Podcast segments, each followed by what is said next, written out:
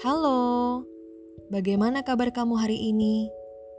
Aku harap kamu berada pada keadaan sehat dan bahagia. Hmm, ngomongin resolusi tahun baru ini, kayaknya udah capek banget ya. Apalagi kalau kita flashback sedikit ke belakang. Ternyata masih ada beberapa atau bahkan hampir semua resolusi tahun sebelumnya sama sekali belum kesampaian. Ya, gak apa-apa. Boleh jadi memang belum saatnya aja. Justru inilah saatnya kita berterima kasih pada diri kita sendiri.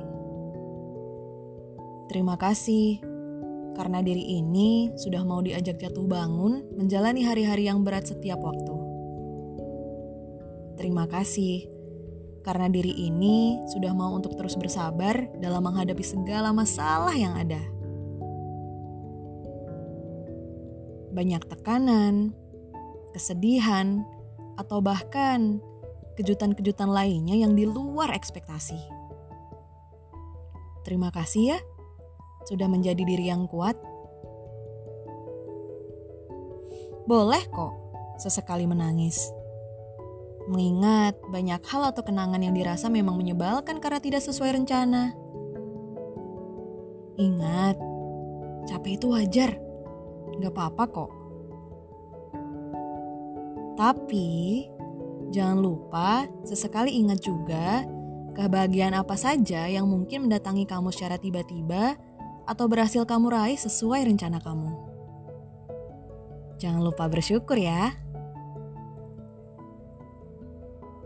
Dari aku, untuk resolusi tahun 2022 ini, semoga Tuhan senantiasa memberikan kamu dan aku kesehatan dan kelancaran, serta rasa syukur dalam setiap urusan.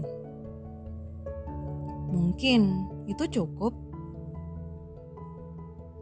Biarkan doa-doa meluas di angkasa, dan biarkanlah semesta mengerjakan tugasnya. Terima kasih sudah mendengarkan. Jangan lupa tersenyum karena kamu berharga.